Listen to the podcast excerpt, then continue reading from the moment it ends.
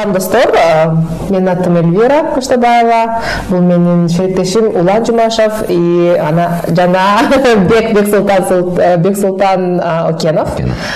Биз финайти подкастын алып баруучуларыбыз мен улан жөнүндө айтып кетейин дегем улан менен он ондон он жылдан ашык он беш жылдай болуп калды он беш жылдай болуп калды э дос болуп келатабыз. Биз мегакомдо экөөбүз достошконбуз андан бери улан crm technologies деген бир аябай кызыктуу компаниянын компанияны ачып өзү азыр генеральный директор болуп иштейт. Ал бул компанияларды колл центрлерди коюп автоматизация кылып иштейт. Ооба туура мен эльвира жөнүндө айтып кетсем эльвира менен ошо өзү айткандай эле мегаком компаниясында таанышканбыз. Ал кезде экөөбүз тең колл центрде иштегенбиз.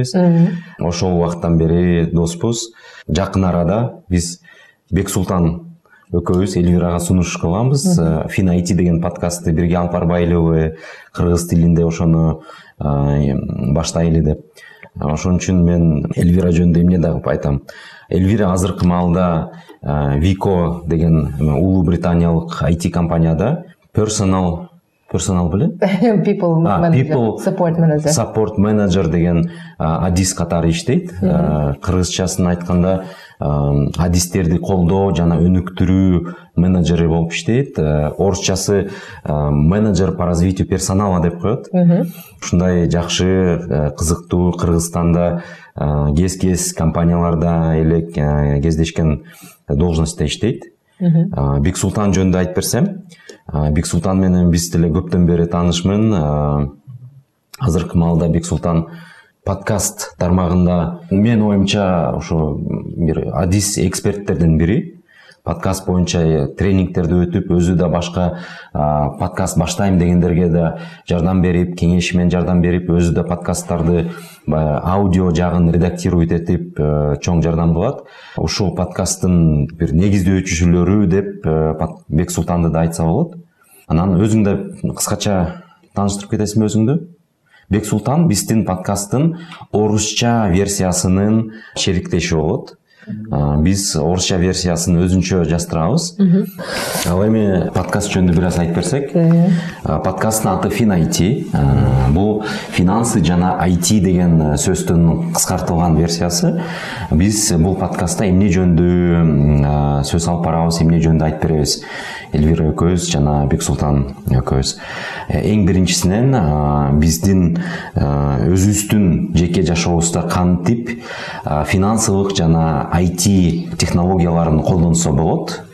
Өзүбүзгө пайдасы менен. Жана эң кызыгы бул бизнесте же организацияларда айти технологиялары же финансылык технологияларды кантип өзүңөргө киреше менен колдонсо болот деген темада алып барабыз. Эми негизгиси биз ушу подкастты баштаарда кичинекей мониторинг жасасак айти жөнүндө мындай жалпак кыргыз тилинде анан мындай төкпөй чачпай кызык конокторду чакырып ошондой подкаст же программаларды аябай аз таптык. Болсо да алар бир жолу же эки жолу чыккан экен андай программалар.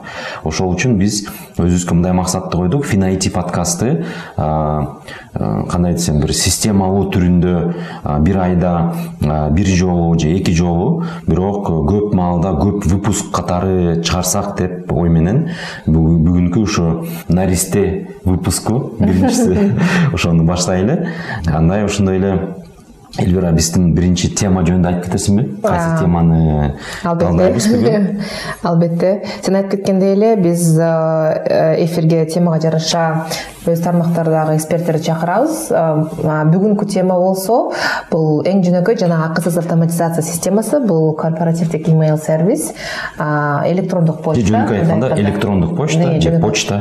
Же почта? Ооба ошол анткени бул тема аябай кызыктуу анан жөнөкөй экен көбүнчө биздин досторубуз же билген адамдарыбыздын баары эле ошол электрондук почта менен колдонушат бирок байгүл менин досум менен эле сүйлөшүп калдык ошо электронный почта жөнүндө биз колдонгондо деле кандайдыр бир көп лайфхактарын билбейт экенбиз да. Ошол жөнүндө дагы айтып кетели деп бүгүн улан экөөбүз чечтик рахмат. Ошондой эле эгерде сизде биздин угармандарда же көрүүчүлөрдө суроолор болсо сиз беш жүз элүү алты токсон сегиз алтымыш алты элүү номериндеги whatsapp же telegram мессенджерлерине жазсаңыздар болот силердин суроолорго биз кийинки выпусктарда кийинки чыгууларда ошо выпусктун башында башында где то беш минут бөлүп беребиз суроолорго жооп беребиз ошон үчүн эч тартынбагыла биздин whatsapp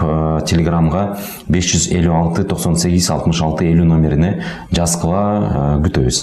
Ошо анда эмесе биз email деген эмне деп баштайлыбы улан улан email деп айтканды жакшы көрөт дебейинби ооба мен баягы эски орусча старпер деп коет же старое поколение.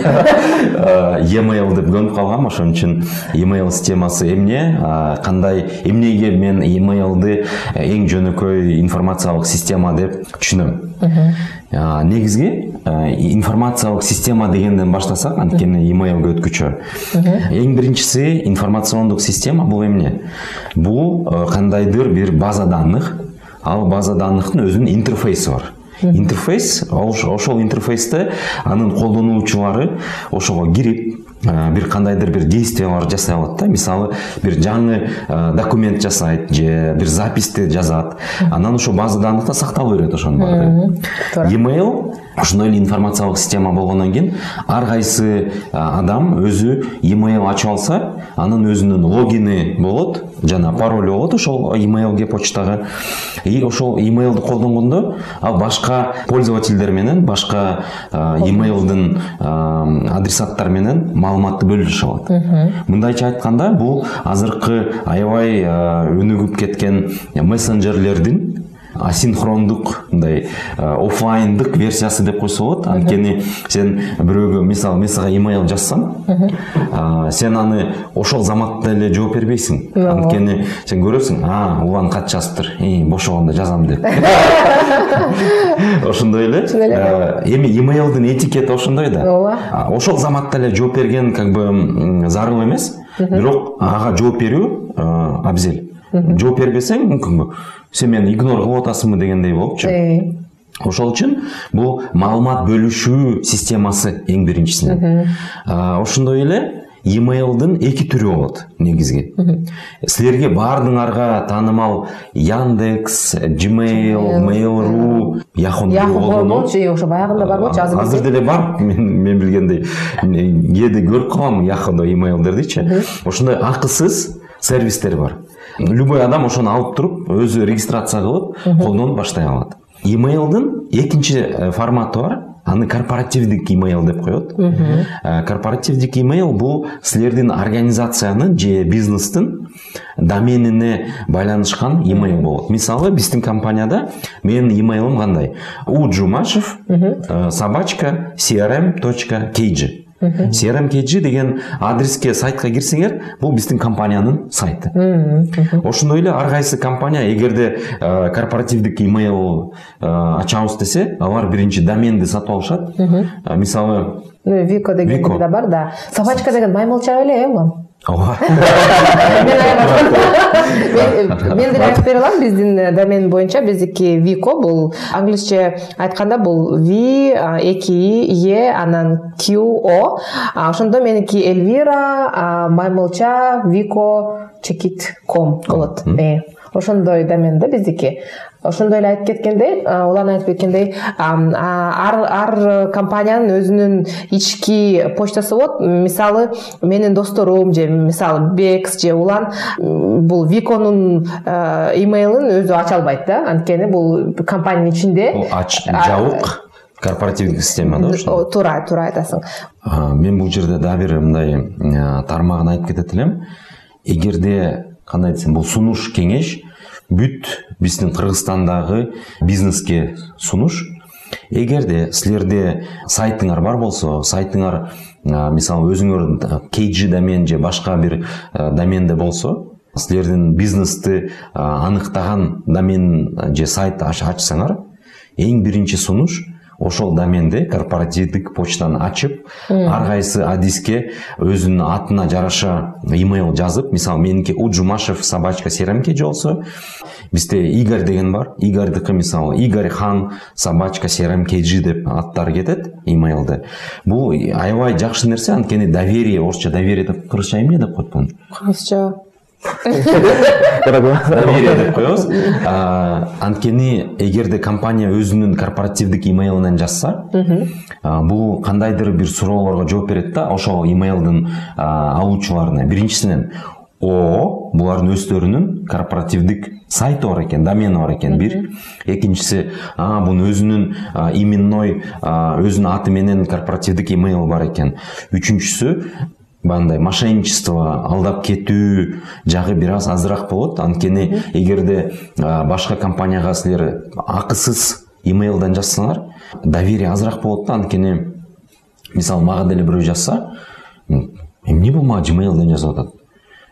Бул ошол адиспи же кандайдыр бир какой то бир мошенничество фрод жагынан кат жазып атабы доверие азыраак болот да. Анткени акысыз gmail яндекс почталарында любой адрес кылып жасап койсо болот мисалы элестетип эле crm kg собачка маймылча gmail com деп бирөө имейлди жазып биздин компаниянын атыбыздан башкаларга кандайдыр бир сунуштарды коммерческий предложенияларды жиберип атса анан мүмкүн бирөө ошого ишенип макул окей мынакей предоплатаны жөнөтөбүз деп башка бир счетко акчаны жөнөтүп берсе кандай болот анан биздин атыбыз ошол маалда кандайдыр бир көлөкө болуп калат булар че то түшүнүксүз бир компания деп жаман атта калабыз да. Ошон үчүн корпоративдик имейл эгерде доменди сатып алсаңар корпоративдик имейлди ачуу бул сөзсүз керектүү нерсе. Силердин имиджиңерге кийин азыркы кийинки подтемаларда кандай дагы преимущество кандай плюстарды аласыңар ошол жөнүндө да айтып беребиз. Сен өзүңдүн бир тажрыйбаңды айтып бербейсиңби имейлди силердин компанияда кантип азыркы маалда колдоносуңар?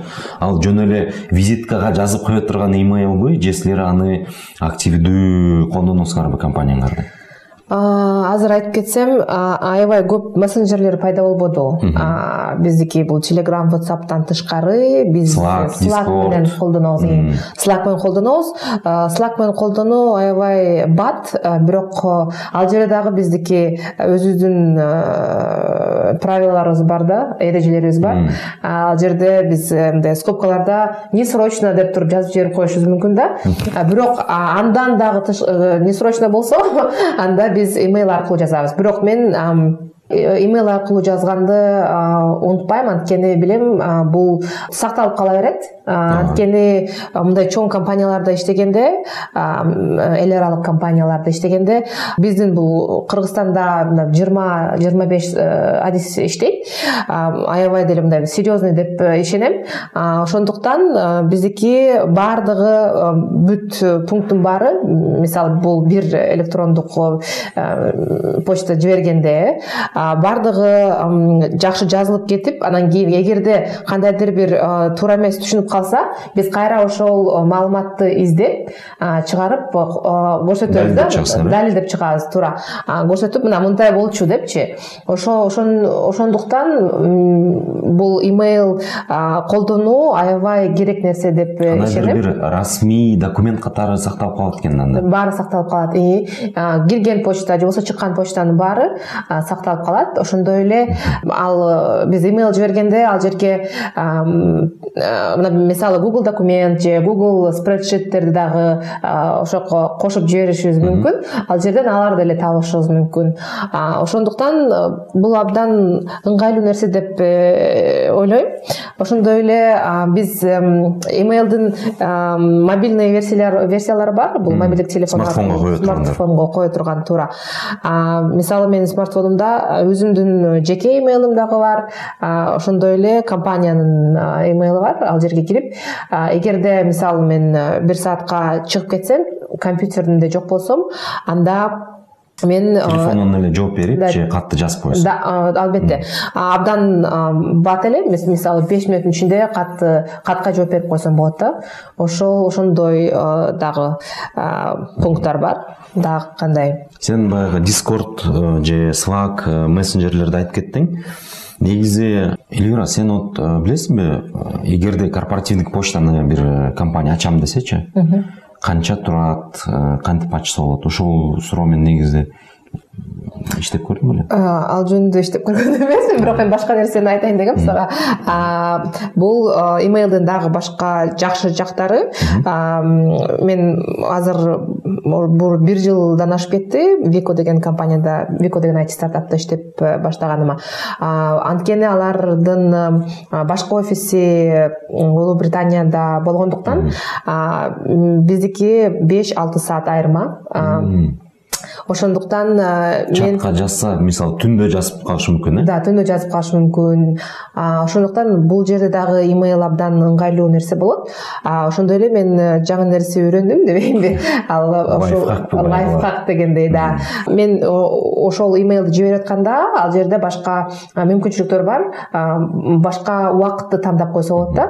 Мисалы мен эртең мененки бул улуу британия боюнча саат сегизде же тогузда жиберип калышы мүмкүн деп ошол сегиз же тогуз деп ошо дайындалган убакытта дайындалган сенин катың ошол убакытта келет келет деп ошентип койсом болот да. Негизи сонун нерсе мен өзүбүздүн почтада ошону колдоном мисалы менин адисиме бир суроо жөнөтүш керек же катты жөнөткөндө эми мен кээде там түнкү эки үчкө чейин деле иштеп калышым мүмкүн өзүң негиздөөчү болгондон кийин өзүң компанияңа күйүп түндө деле иштей берет экенсиң бир идея келсе ошону прорабатывать этип анан эми сотрудник ал адис эртең менен иштейт да анан түнкү саат үчтө мага жазыптыр.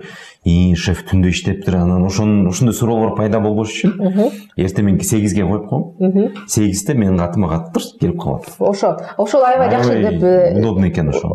ошентип да мен да ойлойм анткени экинчи жагы бул деген эртең менен келгенде биринчи келет да катчы. Мисалы кээ бир менин коллегаларым башкалар менен аралашып кетпейт. Биз мисалы бир күндө отуз элүү кат алса анан кийин меники эң аягында калса ал эң биринчи каралбай калышы мүмкүн деп э, мен дагы ойлойм да ошон үчүн керектүү убакытта коюп жиберген дагы мен ошо зарыл деп ойлойм. Ошон үчүн бул лайфхак дагы аябай ыңгайлуу лайфхак деп ойлойм да. А бирок канча турат экенин билбейт экенмин. Сен бул crm консалтинг crm технологис иштегенде ошону билет болушуң керек ооба бизде дагы бир компания бар да ал чакан эле компания. Ал биздин crm технологистагы сервистерди эле подписка аркылуу же облако деп коет ай сайын төлөй турган сервис катары кардарларга сунуштайбыз да. Ошол жерде бизде создание почтового сервера деген кыскача кичинекей бир кызмат бар. Эми биз аны чакан кичинекей эле бир суммага жасайбыз. Бирок негизи эгерде силерде убактыңар болсо домениңер бар. Домениңер бир какой то хостингде жайгашат да.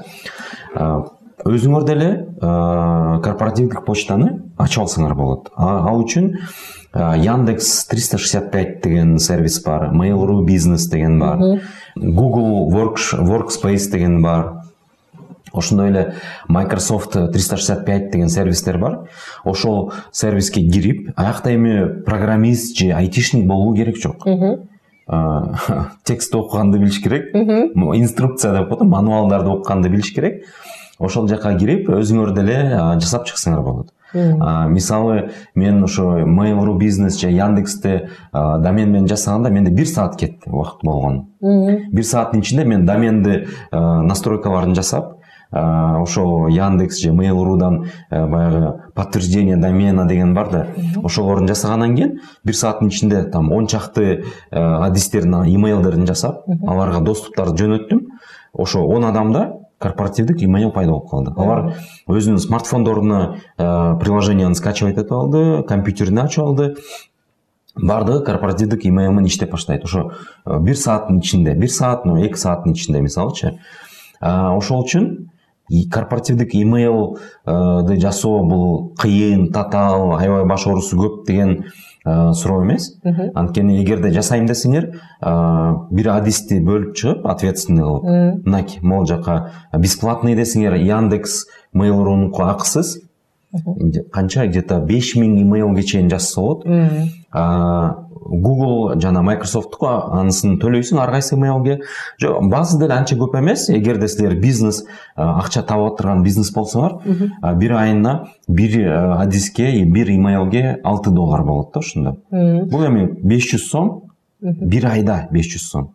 Ошондо беш жүз сом бул бир мындай плотный тамак ичүүнүн кафеде же э, үч үч чашка кофе да мындай э, кофе менен санаганда да. Улан мен бир э, суроо пайда болду деп сага анткени бизде ар кандай адамдар угуп атышат бул хостинг жана домен жөнүндө бул эмне? дегенди кичине кыскача айтып койбойсуңбу окей. Домен деген бул силердин сайттын адреси эгерде силер сайт ачабыз сайт жасаш керек сайт аркылуу кардарларды тартып келебиз рекламаны facebook google яндекстен рекламаны баштайбыз ошол реклама иштеп баштаганда аны рекламный трафик деп коет да баягы клиенттер көрүп ии мен ушуну сатып алып аталем деп басканда рекламаны.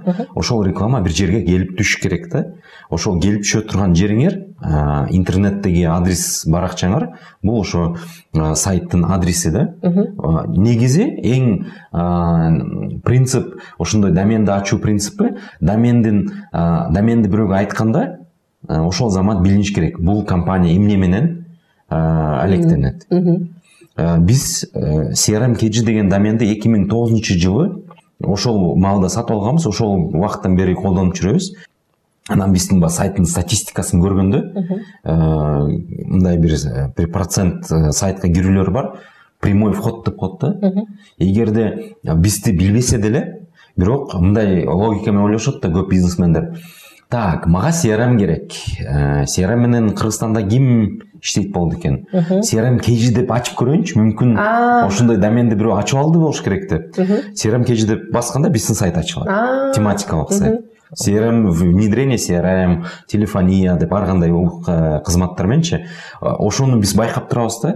Ошо атынан эле бизге какой то клиенттер ошентип келип баштайт да. Ошон үчүн эгерде силер компания же организация болсоңор сайт жасайбыз десеңер сөзсүз доменди сатып алгандан кийин корпоративдик почтаны ошол домен менен ачып алгыла анын үчүнчү да бир вариант бар эгерде mail.ru бизнес яндекс триста шестьдесят пять гуглдун корпоративдик почта сервисин колдонбойбуз десеңер ошол эле силер доменди сатып алган хостингте деле имейл сервис бар. Ошол хостингдин ичине киргенде эле раздел болот почтовые ящики деп ошол жака киресиңер создать новый почтовый ящик. Мисалы бексултан собачка crm kg деп жаңы ящик создавать этип эле бексултанга берип койсок болот. Туура бирок бирок. Ага төлөш орусча но дегендей. Жок ага төлөшү керек жок ал ошо хостингдин эле баасынан кирет. Жана айтып кетпедиңерби. Смартфондо почта болсо аябай ыңгайлуу керек кезде тез ачасың депчи? Анын өзүнүн мобильный приложениясы жок почтанын. Ошондо башка почтовый клиенттерди ошо gmailдын эле ичине кирип добавить новую почту деп колдонуш керек. Бул биринчиси. Экинчиси интерфейсте мына компьютерден ачканда анын өзүнүн бир сайты бар. Мисалы mx точка там хостер kg деп коет. Хостер kgники ошондой да биздин партнер да. Ошол жака киресиң бирок ал почтанын интерфейси функционалы мисалы баягы түндө жазып атып эртең менен почтага келип калсын деген запланированный почта. Анан толтура ар кандай керектүү уже биз көнүп баягы бесплатный mail ру яндекстерде көнүп калган функциялар жок да жалаң чисто почта да. Э, почтаны создавать этүү почтаны жазуу почтаны окуу почтаны башка адресатка жөнөтүү почтага бир какой то атачмент кылып файлдарды кошуу болду ошол эле да негизи. Калган керектүү функциялар кээде даже баягы текстти редактирование кылуу да жок да мисалы баягы толстый жирный шрифт э, курсив список ошондой кээ бир э, поставщиктер ошонусу да жок да ошон үчүн ал эң акысыз бирок мындай колдонууда анчалык ыңгайлуу эмес удобный эмес вариант да. Ошон үчүн тиги яндекс mail рунун бесплатный варианттарын эле колдонуу оңой. Алардын мобильный приложениясы бар. Толтура имейлден тышкары дагы функциялары бар. Мисалы баягы файловый архив көп мындай дополнительный функциялар кошулган да.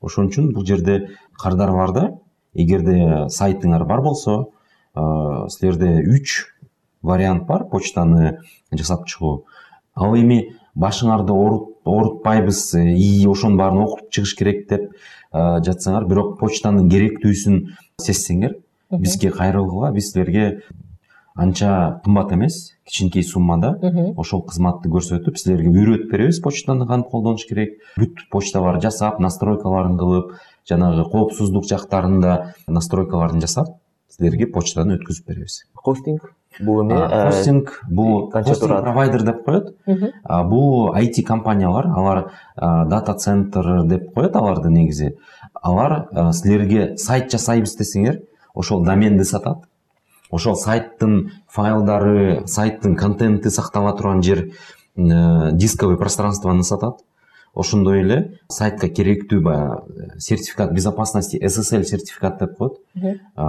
Сайттын коопсуздугуна караган сертификаттарды сатып алса болот. Ошондой эле иши кылып сайтка тиешелүү маалыматты сактоо жагынан кызматтарды көрсөтөт да. Эми негизи көпчүлүк бизнесмендер алар хостинг дегенде сайт жайгашкан жер анан сайттын домени деп түшүнөт да. Ошон үчүн э, ошол эки негизги тема боюнча хостинг ушундай кызматтарды көрсөтөт. Негизи хостингдин эң мындай арзан тарифтерин айтсак бул бир айына жүз алтымыш сом бир айына. Ал бир домен бир адрестин сайты анан бир сайт жайгаша турган тариф берет да. Ошондой эле эгерде силерде эки үч домен боло турган болсо силер кымбатыраагына өтөсүңөр мисалы эки жүз элүү сомдук биздин негизги хостинг партнер бул хостер kg деген компания. Ошолордун тарифтери менин оюмча мындай конкуренттик да. Башкалар менен салыштырсаң деле баасы примерно ошондой эле. Бирок бизге сервиси жагат. Ошон үчүн эгерде биз доменди каяктан сатып алабыз хостингди каяктан алабыз десеңер hoster точка kg деп эле жазсаңар ошол жактан табасыңар. Алар биздин партнер. Биз кийин ошол хостингден силерге керектүү ошо почтовый серверди эле жасап беребиз. Эгерде кийинчерээк ушундай кызматтар керек болуп калса чоң рахмат жана хостинг жөнүндө жана домен жөнүндө айтып бергениңе сиздин ликбезиңизге чоң рахмат ооба мен мисалы доменин экенин билем бирок хостингди мындай жакшы деле ойлонуп деле көргөн эмесмин да эмне экенин депчи ошон үчүн ошого чоң рахмат. Мен дагы кошумча ойлорум пайда болду дебейинби имейл боюнча бул деловая переписка боюнча орусча айтып койгондо э анткени биз улан экөөбүз иштеп жүргөндө мен жыйырма биримде келген болушум керек. Мен ошондо же жыйырмамда окуп жүргөн болчумун. Ошол мага аябай эме болду да жана ушуну менин жаш кезимде да жаш кезимде ооба жаш кезимде бул мага аябай өзүнчө башка бир окуу жайы болгон да анткени жаңы дүйнө дейбиз жаңы дүйнө ооба. Мисалы кантип биз бул кантип имейлди кантип жазып электрондук почтаны кантип жазып кантип жиберүү ошондой ар кандай эрежелер бар экенин баардык деле адамдар биле бербейт экен мисалы ал жерде биринчисинен жазып атканда албетте бул темасы болуш керек да электрондук почтанын. Электрондук почта эмес э, письмонун. Каттын каттын өзүнүн темасы болуш керек. Азыр деле жазып атканда ошол тема кыскача бирок эмне жөнүндө жазып атканыңды көрсөтүп туруш керек да. Андан тышкары жиберип экинчиден жиберип атканда албетте саламатсызбы баары жакшы азыр биз англисче жазганда кичине башкачараак этикет болот экен бирок орусча кыргызча жазганда албетте учурашуу керек. Саламатсызбы кандайсыз жакшысызбы деп. Андан андан кийин баардык өзүңдүн оюңду жазасың эмне деп эмне жөнүндө жиберип атканыңды э бул кат жөнүндө. И эң аягында биз англисче regards или там have a nice day деп коебуз или have a lovely weekend деп коштошуу да? Коштошуу коштошуу үчүнчүдөн же төртүнчүдөн подпись подпись болуш керек ар бир өзүнүн уважающий себя компания деп коеюн албетте ошондой өзүнүн бир этикет болуп калат экен этикет ошондой подпись болуш керек да мисалы кандайдыр бир картинкалар же бирдеме кошуп коюшат да мисалы мегакомдо дагы мен башка компанияларда дагы иштегем ал жерде мисалы логотипти кошуп логотипти да кошуп коет. Ошондой эле ал подписьте баардык компания адисинде четкий бир шаблону бар да. Ал шаблонунда жазылып турат бул адистин кайсы адис да? Мисалы меники people support manager деп жазылып турат менин атым да кыштабаева эльвира. Номер телефон телефонум ошондой эле менин имейлим биздин домен. Мисалы сайттын адреси сайттын адреси туура айтасың. сайттын адреси ошондой болуп жазылып турат анан ошондой эле кичинекей биздин өзүбүздүн мындай девизибиз жазылып коюшу мүмкүн да. Бул мен аябай деталдарга кирип кетип атам бирок бул аябай керектүү нерсе деп ойлойм. Андан тышкары биз жиберип атканда мисалы мен бир адамга жиберсем мисалы улан жумашев серим э, чекет kg деп жиберсем ошондой эле башка дагы бир адамдар бул кат э, жөнүндө билиш керек деп мен чечсем мисалы копия деп коет. Копияга мен бексти кошуп коюшум мүмкүн туурабы.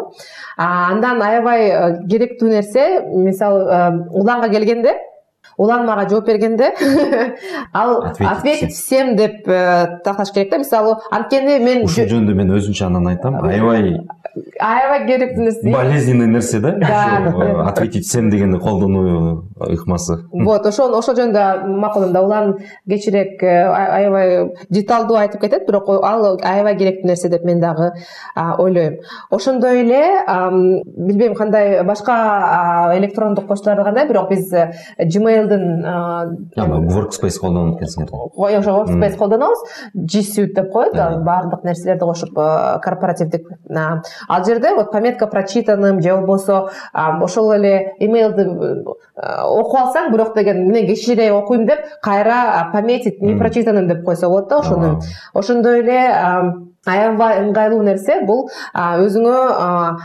мындай папкаларды жасап койсоң болот да мисалы бир папка эмне деп койсоң болот шефтен каттар шефтен каттар бул аябай көп келген адамдардан да же болбосо тема бир тема сортировка болуп калат сортировка болуп калат мисалы биздики сейлстен келет да продажниктерден. Кандай болот кыргызча сатуучулардан сатуучу адиси сатуучу адистерден да. Ал жерде меники өзүнчө папкам бар кыргыз тилине ушуну башкача башкачараак бир термин киргизиш керек окшойт. Англис тилине окшоштуруп salesman деп. Salesman деген аябай жакшы угулат э? Ошо ушул папкалар абдан ыңгайлуу деп мен чечем. Анткени мен кээ бирде башка менин адистеримди карасам баш аламанбы моундай баш аламан почтасы эмнеси каякта баш аягы жок сезилет да а меники болсо ар бир э, тематика боюнча татынакай болуп бөлүнүп сорттолуп сорттолуп турат албетте анан кийин менин э, почтам баары тең э, каралган болуш керек да күн бүткөндөчү анткени дагы толтура каралбаган непрочитанный орусча айтканда каттар болсо мен аябай өзүмдү жаман сезип берем стресс боло бересиз стресс боло берем ооба. Ошол ошол ошол жөнүндө айтайын дегем сен болсо деталдуу айтып берсең болчу жанагы to all деген жөнүндө. Мындай кандай десем туура нерсени айтып баштадың анткени эң башында айтып кетпедимби имейл системасы бул эгерде силердин компанияда имейл иштеп баштаса бул башка информациялык система баягы программное обеспечение деп коет эмеспи ошондой эле система негизичи бирок анткени бул көп көптөн бери мындай система колдонулат көбү муну мындай толук кандуу информациялык система деп сезбейт да? Бирок ар кайсы системанын э, компанияда же организацияда иштегенде өзүнүн колдонуу ыкмалары жана принциптери болуш керек да? Менин оюмча сен айтып кеткен ошо принциптердин көпчүлүгүн сен азыр айтып кеттиң. Мен дагы башка жагын да айтып берейин. Эң биринчиси корпоративдик имейл иштегенде ар кайсы адамга ар кайсы колдонуучу адиске имейл өзү берилиш керек андан тышкары анын аты имейлдеги аты ким бул? Ошону билдириш керек. Жанагы кадимки личный имейлдердечи а, мындай болуп калышы мүмкүн да. Мисалы эльвирка эки миң бир мисалычы. Же мен ушул имейлди менин бир стажерымдын имейлі болчу да. Золотая невеста.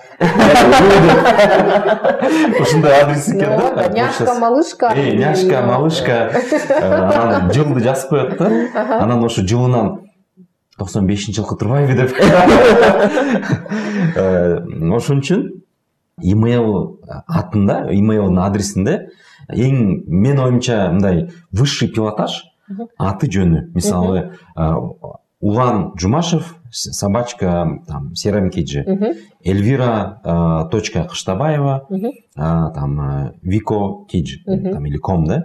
А, бирок эми конечно вариациялар бар азыркы э, стартаптар жаңы компаниялар алар аты менен эле коюп коет мына мисалы сеники эльвира. Да мен ошону эле азыр бат эле кошуп кетейин деп аткам аябай мындай э, комфортныйраак э? комфорттуураак анан өзүнчө мындай официозу жок да. Анткени кыргызстанда россияда балким ушундай болот да мындай обязательно фамилия менен же отчество менен. А бизде болсо бири бирибизге өзүбүздүн досторубуздай мамиле да? Неформалдуу неформалдуу да. мисалы биз меники жөн эле эльвира собачка вико дот ком да? Бирок бирок сенин почтаңды сенин адресиңен мага кат келсе а, кат мисалы ошо тизмеде болот да жаңы каттар келген. Мен көргөндө эльвира кыштабаева деп турат Тура. аты. Да да да ошол жагы бул да ошо электрондук почтаны колдонуу жагында чоң мындай кандай десем бир талап да почтаны жасап атканда сотрудникке анын аты жөнүн толук жазыш керек. Туура ошондо ошондой болуп келет бирөөгө ка- кат жазганда аты эльвира десе деле фамилиясы менен билинет ошону сразу билебиз да. Э, кийинкиси э, электрондук почта бул информациондук система болгондон кийин ар кайсы э, адис почта менен колдонгондо ар кайсы компания өзүнүн ичинде эле кандайдыр бир инструкция деп коет же мануал деп коет ошол мануалды э, ишке киргизип э, керек болсо приказ менен аны бекитип коюш керек да. Эң негизги э, талаптар ошо приказда ар кайсы адис почтасында өзүнүн подписин жасаш керек. Подписинде компаниянын аты мисалы осо crm technologies. Анын адистин должности ким ал менеджер директор финансист. Анын контакттары телефону э, внутренний телефондору эгерде внутренний до набор менен номери бар болсо анын имейлы анан компаниянын э, домени сайты. И ошондой эле керек болсо там логотип же кандайдыр бир башка дополнительный информация кошулуш керек. Ошондой эле жанагы тема. Каттын темасы э, темасында дайыма бирдемке жазылыш керек. Ошол каттын э, маңызын чыгарган эки үч сөз мисалы мен э, эльвирага жазсам э, мисалы силер качан жарым жыл мурда- бир гарнитура сатып алгансыңар э бизден ооба. Гарнитуры майирди деп катка жазабыз да анан эльвира катты көрүп а гарнитура биз заказ кылбадык беле ошол жөнүндө кат келди деп ошону катты окубай эле темасынан эле билип коет. Мисалы мага деле бир күндө где то жыйырма отуз кат келет. Эльвира айтып кетти там отуз элүү катка чейин жетип калат дедиң э? Элестет сен өзүңдүн руководителиңе башчыңа кат жазып атасың темасында жок эчтеке. Ал аны көрүп туруп аны байкабай да калышы мүмкүн ооба темасында жок болсо А, же темасы туура эмес болуп калса кээде мындай жазып калат да привет деп темага привет деп жазып да. Же э, бир непонятный же э, документти ачып баштаганда документти э, компьютерден жөнөткөндө э, почтамен жөнөтөм десең ал документтин атын темага киргизип коет да. Анан бул жакта башка бир чоң проблема бар да. Э, компаниянын ичинде документтерди жасап колдонгондо документтерге э, мындай бир керектүү атты коюп коюшпайт да док один деп калат же Э, там таблица один деп жүрө берет да Э, анан сага мындай кат келет да бирөөдөнчү док один деп темасында. Анан көрөсүң и мен азыр убактым жок могу каттарды окуйнчу деп. Ооба туура эле окулбай калышы мүмкүн мен кичинекей кошумча кошуп коеюн мага мисалы азыр бул бул бүт эки миң жыйырманчы жылы резюмелер мага жиберди биз э, где то он төрт он беш адис алдык биздин компанияга ошондо кээ бирөөлөр мага өзүнүн резюмесин жибергенде дагы док деп келет жөн эле жок темасы жок келип атпайбы. Темасы жок анан кийин же кандайсыз мына жиберип атам мен сиздин компанияңызда иштегим келет деген сөздөр дагы жок да анан кийин анткени биздики бул суппортко керек болуп аткандан кийин ал ушундай сөздөрдү жаза албаса кандай адис болот деген менде суроо пайда болот башымдачы потенциальный адистин характеристикасы сразу эле көрсөтүп коет сразу эле ошон үчүн бул дагы аябай анда мындай бир э, жаш биздин азыркы маалда школьниктерге студенттерге бир чоң кеңеш силердин карьера карьераңарга аябай чоң салым кыла турган кеңеш анда. Эгерде силер э, работодательге бир жумушка орношом деп резюмеңерди жөнөтсөңөр имейлиңер золотая невеста mail ру болбошуна чоң сураныч эгерде mail рудан жасасаңар деле яндекстен жасайсыңарбы аты жөнүңөр мисалы бексултан точка окенов собачка mail ру. Ошентип жасап именно ошол э, компания вообще бизнес менен же организациялар менен баарлашуу кезинде анан жазганда теманы жазгыла вакансия менеджера по продажам деп. Да? Анан ошол жерге дагы бир лайфхак ошол вакансия мисалы силер бир вакансияга берип атасыңар да резюмени. Вакансия менеджера по продажам слэш от окенова деп койсоңор вообще супер болот да. Анткени HR ошо кабыл алып аткан специалист ошону көрүп ай туура могу вакансияга океновдуку деп. Анан силер ичине каттын ичине сопроводительный письмо деп коет саламатсыңарбы мындай компаниянын администрациясы билбесеңер атын билбесеңер саламатсыңарбы мындай компаниянын мүчөсү же адиси мен сизге мындай мындай вакансияга катты жөнөтүп атам. Мен силерди иштегим келет анткени силердин компанияңар мындай мындай принциптерди колдойт экен мен өзүм деле эко френдли же да кандайдыр бир принциптерди жазып аттачментте э, каттын ичинде менин резюмем.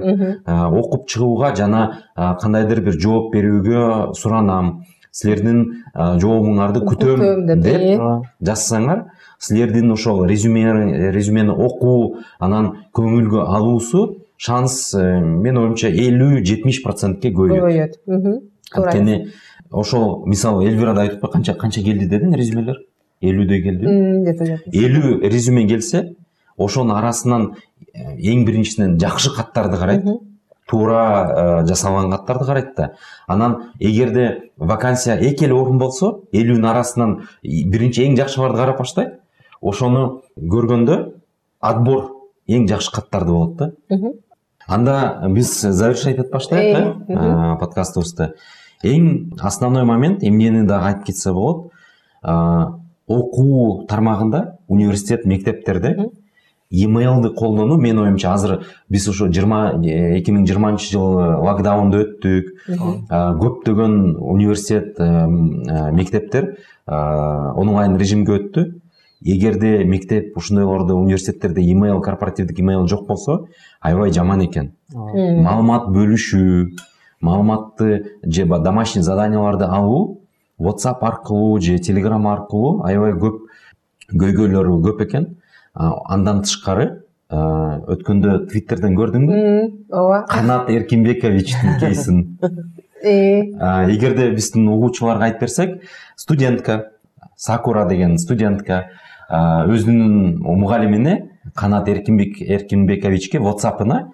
жазыптыр канат эркинбекович мен сизге жанагы заданияны жөнөттүм ушул задание боюнча бааңызды анан мага жазып жибериңиз деп жазыптыр да кечки саат жетиде экиден кийин кечки сегизге чейин жазыптыр ал ватсапка ал канат эркинбековичтин аялы аябай жаман сөздөрдөн жинденип кызганып аябай чоң текст жазыптыр да аны тилдеп сен кимсиң мен биздин балдарыбыз бар анын э, сен биздин мен күйөөмдү кандай ала качып кетейин деп атат мен күйөөмдү отбивать этейин деп атасың деп аябай скандал кылыптыр да ал болсо ал студентка аны твиттерге жазса аябай көп резонанс болду да. Ооба анан канат эркинбекович аны билиптир что твиттерге жазып чыкканын анан э, чоң текст жооп жазыптыр сен мени кечир ушундай ситуация болуп калды анан даже үйүнө да чакырыптыр э. Ошентип көргөн эмесмин чакырып заговорить этебиз деп негизи бул эмне жөнүндө эгерде ошол университетте google же яндекс же mail.ruдан беш миң болобу канча миң болобу имейлди ар кайсы студентке жасап берсе ар кай- ар кайсы преподавательге жасап берсе андай проблема болбойт болчу. Анткени ал корпоративдик имейл кимден келип атат подписи бар аты жөнү э, кандай десем болот деловой разговор болмок да а мессенджер болгондон кийин аял аны көрүп ошондой скандал болду. А биз канча андай э, элге билинбеген скандалдарды билбейбиз Ошо да. ошон үчүн эгерде силер окуу жай болсоңор университет же мектеп обязательно mail.ru же яндекстин акысыз тарифин колдонуп имейлди жасап чыккыла. Мисалы биз билимканага жасап чыкканбыз аларда азыр алты миң имейл бар. Ого. Анын арасында эки үч миң бул окуучулардыкы где то беш жүздөй бул мугалимдердин имейлдери. Ошон үчүн ал алар гуглдун баягы google суитти колдонот. Аябай удобный болду. Анткени гуглда google баягы окутуу спредшит файлда ошо google doc ошонун баарын колдонот да аябай ыңгайлуу а, процессти мындай башкаруу жакшы болду да? Ошон үчүн а, акысыз болобу платный болобу имейлди колдонууга чоң сунуш корпоративдик система сыяктуу